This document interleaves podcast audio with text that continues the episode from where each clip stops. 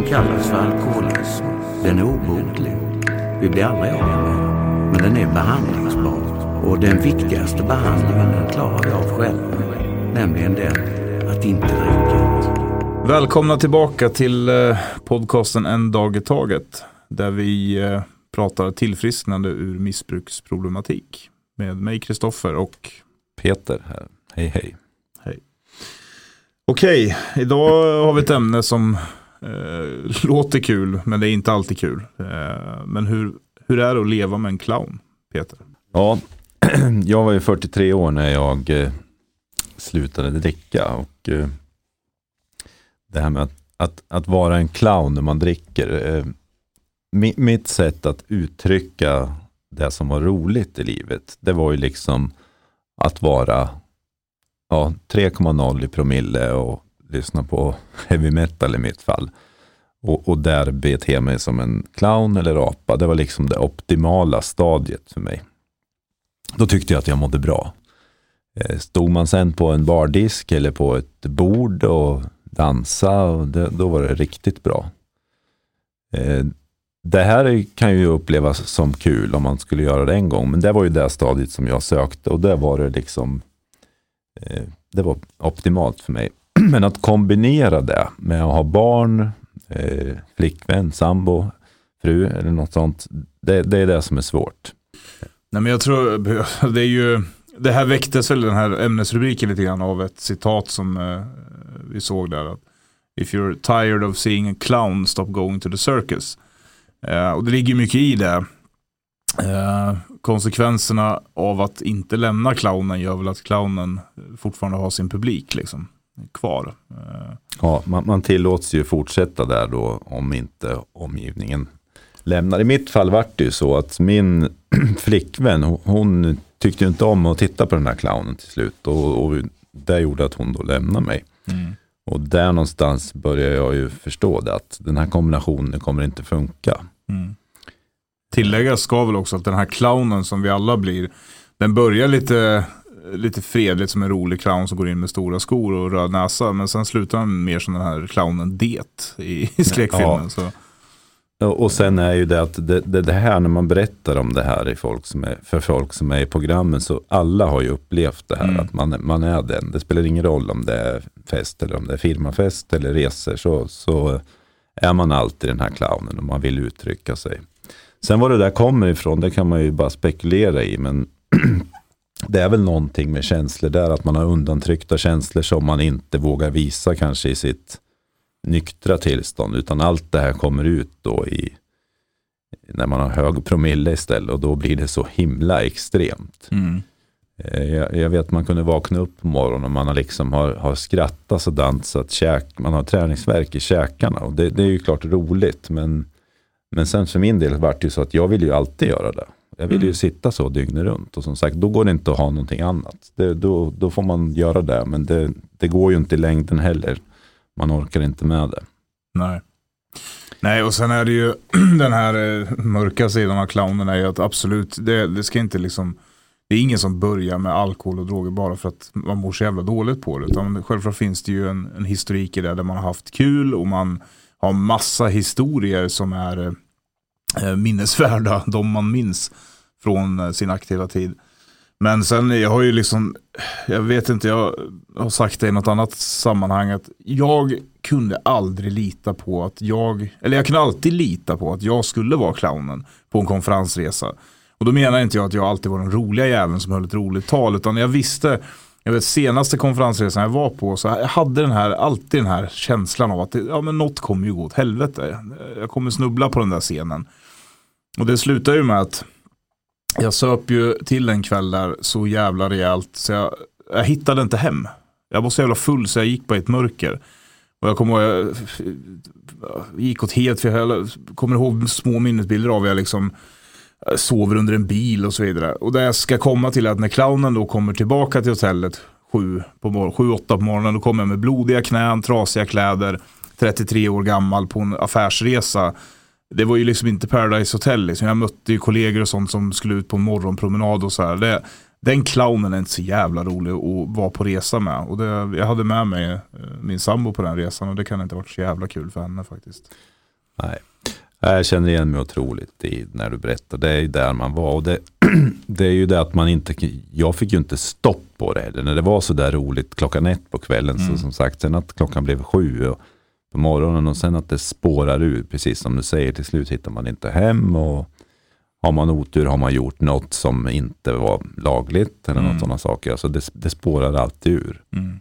Ja, men då, den här clownen den är lite rolig i början av, eh, alltså när man är ungdom. Jag har ju ställt till det även då man hamnade hos polisen och det var slagsmål och sådär. Men absolut att då var katastroferna inte lika påtagliga. För då kunde man sitta och, och skratta åt det lite grann. Och det var lite det här jackass-syndromet. Att det var lite kul när man eh, var den här clownen. Som de, all, alla kunde lita på att Kristoffer Strumpan han kommer fan, ja, det blir katastrof när han är med. Men det är kul liksom. Mm.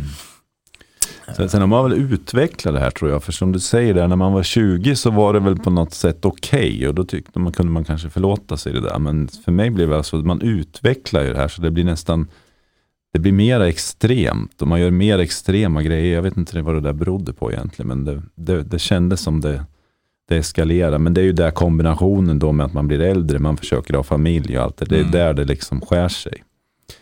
Och sen en som inte är beroende, den klarar jag av att göra sånt här någon gång ibland och det funkar liksom. Men mm. som jag sa förut, jag vill ju alltid vara där. Det mm. var ju mm. mitt optimala stadie trodde jag. Apstadiet? Eller ja, eller clownstadiet. Det är ju lätt att skratta åt det här, men det är ju egentligen är det ju väldigt tragiskt att det är så. Ja, men jag tror det är eh, naturligt att kanske ha lite distans till det så här och, och kanske våga skratta. För det är, det är tragiskt och det är komiskt på samma gång. Och jag vet, sista två åren av mitt aktiva liv där det eskalerade med alkoholen och fruktansvärt, då, då försvann för mig nästan lusten att vara bland människor. Så då, då kom clownen in i ett mer introvert läge där det var bara de närmsta som upplevde clownen. Men då var ju clownen mer en, en tragisk figur som liksom, jag ser det, finns väl någon konstnär som målar så här clowner i svartvitt men alltså där man då satt och det var också där, vi har varit inne på det här med just också då hur man Clownens enda sätt att uttrycka känslor var liksom i alkoholens dimma och då kunde man sitta och börda över saker som var liksom helt egentligen irrelevant för ens känsloliv. Egentligen, det var bara jag vet inte. Jo, nej, man hamnar ju där. Jag hamnar i det läget att jag varit ju själv i vårat hus och då, som du säger, den här clownen, det börjar bli svartvitt där. Mm jag smög ju runt. Alltså när jag skulle gå utanför huset så jag tog cykeln, satt på mig keps och munkjacka och sen åkte liksom till Ica och bolaget. Det var det jag vågade göra. Mm. Sen vill inte jag träffa någon annan och då, då har det liksom, då har det tippat över åt det hållet. Mm.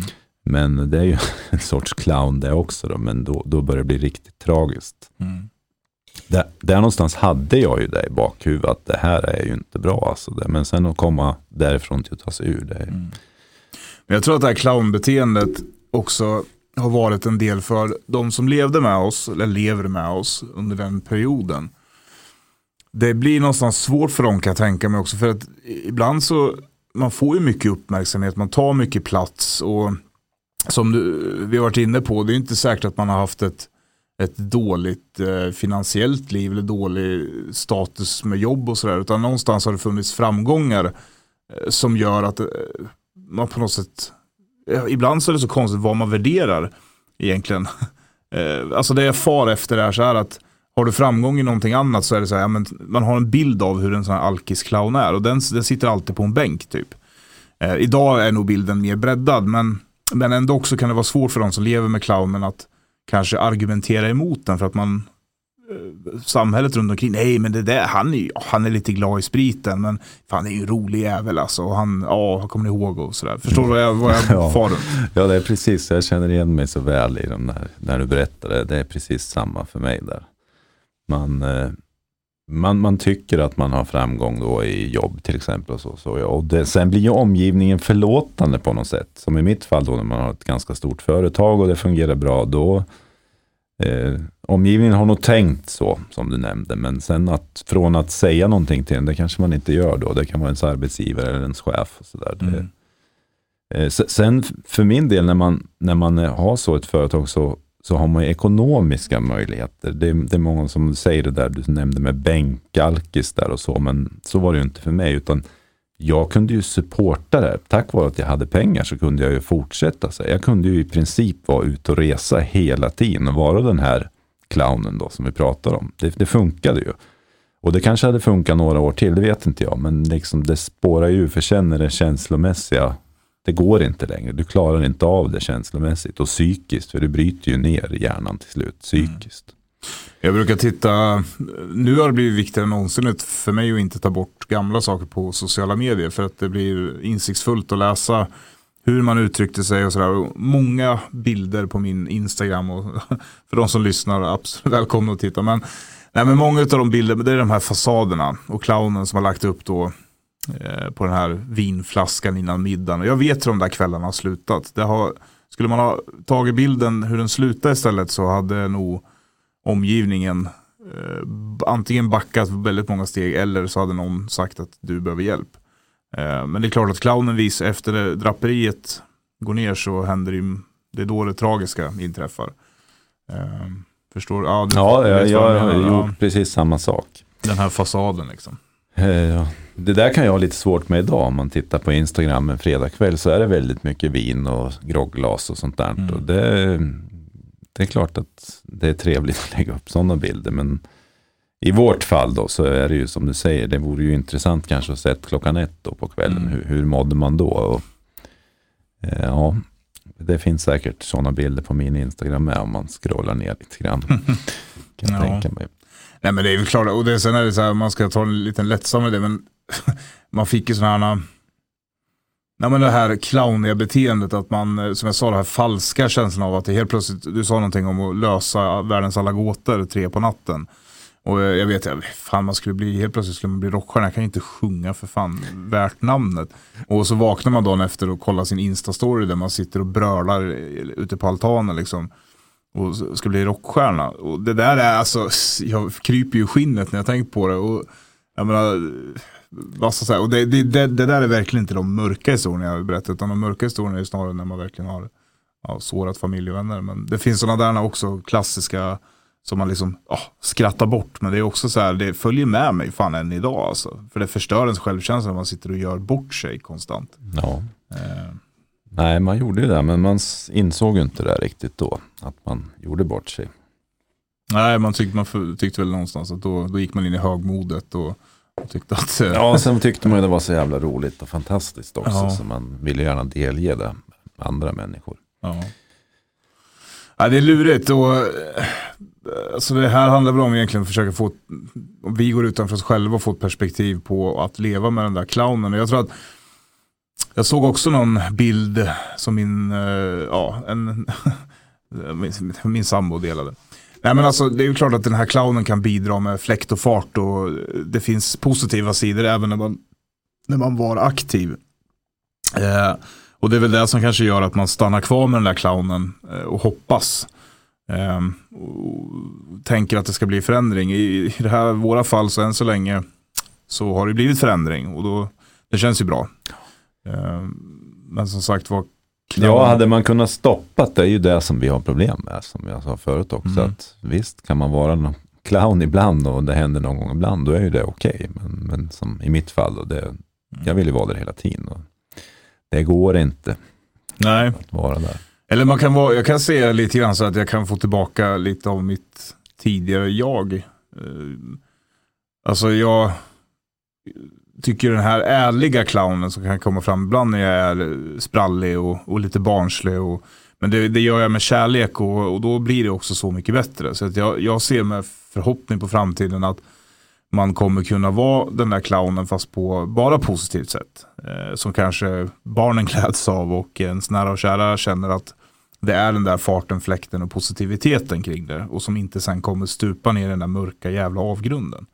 Det, Ja, men så är det. det, det, det kom, man kommer ju dit och så, jag börjar känna så ibland att man kan ju man kan ju uttrycka sig och ha roligt och få de här känslorna nykter också, men det tar lite tid det där. Mm. Det, för man har ju, även om man vill vara den där clownen och man kan vara det nykter på ett sunt sätt, sen blir det inte så urspårat då som det var förr i tiden kanske. Jag hörde en intressant grej i uh, ett sällskap, eller vårt sällskap ska vi säga. Eh, men det är det här också med mognaden hos oss alkisar. Eh, alltså under sin, alltså all tid du dricker på. All tid du ligger och är bakfull, all tid du liksom egentligen spenderar i direkt koppling till alkoholen så stannar du också i en känslomässig mognad. För att din kropp, eller din själ, ditt sinne har inte tid att mogna och ta in andra eh, aspekter som, och intryck i livet som du behöver ha. Och det där kände jag träffa mig så jävla rakt i hjärtat. att det är starkt sammankopplat till min förmåga idag att våga vara känslomässig och ärlig och seriös. Eh, för att alkoholen, jag är ju, alla är, har väl barnet kvar i sig, men det finns så mycket mognad för mig att göra eh, i känslomässigt, att det här vuxna ta ansvar, eh, att vå, alltså seriositeten och, och, den biten. Känner du igen det? Mm, ja, det där hänger ju ihop, det känner jag. Och det, där har jag ju känt, och framförallt nu när jag var nykter länge innan återfall, att det kommer ju tillbaks, alltså känslor och man, just den där vuxna rollen kontra barnet. Att mm. man man kan göra saker på ett sunt sätt. Man kan ändå vara lite sprallig, men man har ändå det här vuxna ansvaret. Mm. Eh, och de där känslorna. Men de, det är som sagt, det går ju inte om man bedövar hela tiden. Det är klart att hjärnan slutar ju fungera känslomässigt när du bara bedövar hela mm. tiden. Som i vårt fall nästan varje dag. Det går ju inte för hjärnan klarar inte av det.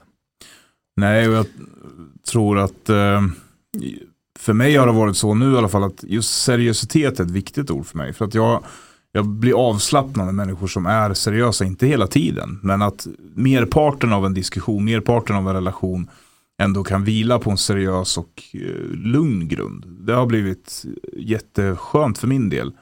För innan så är det så, jag tror det är starkt sammankopplat med självkänslan som sakteligen byggs upp. att det, alltså för mig var det så otäckt när någon ville vara seriös och vara på riktigt. För att jag vet ju inte vem fan är jag. Vem är Kristoffer på riktigt? Jo, den Kristoffer på riktigt, det är ju den där som är bakom kulisserna. Och han är ju aktiv, full och gör, han är ju en vidrig människa. Mm. Så att jag har alltid bemött sociala situationer med liksom skämt och sådär. Det är exakt samma, det är så otroligt hur lika vi är där. Men det, mm. jag har precis samma, jag har mycket sånt där jobbrelaterat när man har varit på om man säger, seriösa tillställningar, stora möten och sånt. Mm. Jättesvårt att slappna av, det ska skämtas och mm. Inte känna lugn i det. Och det är ju det här som är där. Det är ju klart att jag vill ju vara kanske packad, då hade det där varit perfekt. Mm. Man kunde spela lite apa där. Men där kunde man kanske inte uttrycka det där och det var inte läge. Mm. Och då fastnar man i det där. Nej, otroligt och igenkänningsfaktorn är stor här. Mm.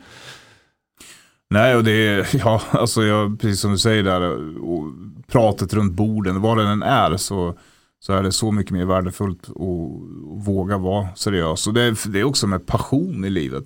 Jag tror att jag är, eller jag vet väl att jag är en passionerad människa. Alltså när jag väl hittar någonting så brinner jag väldigt för det. Men passion och seriositet tycker jag hänger ihop väldigt mycket. Och vågar du inte vara seriös, då är det svårt att vara genuint passionerad, tycker jag nu då, mm, mm. för någonting. Och det, det, det, känns också som fantastiskt att man kan dra av sig clownnäsan och, och våga bejaka passioner i livet. Ja, håller vi på att bli vuxna kanske? Ja, det vore för jävla skönt för både oss och de som har levt med cirkusen. Jag är bara 45. Ja. Nej, det får väl vara någon 80-20-regel där kanske. Då, att man eh, får ha barnasinnet kvar på ett hälsosamt sätt. Men eh, ja. Eh, man märker väl på oss två när vi träffades, eller vi träffas innan podden och sådär. Det är lätt att vi spjurar iväg.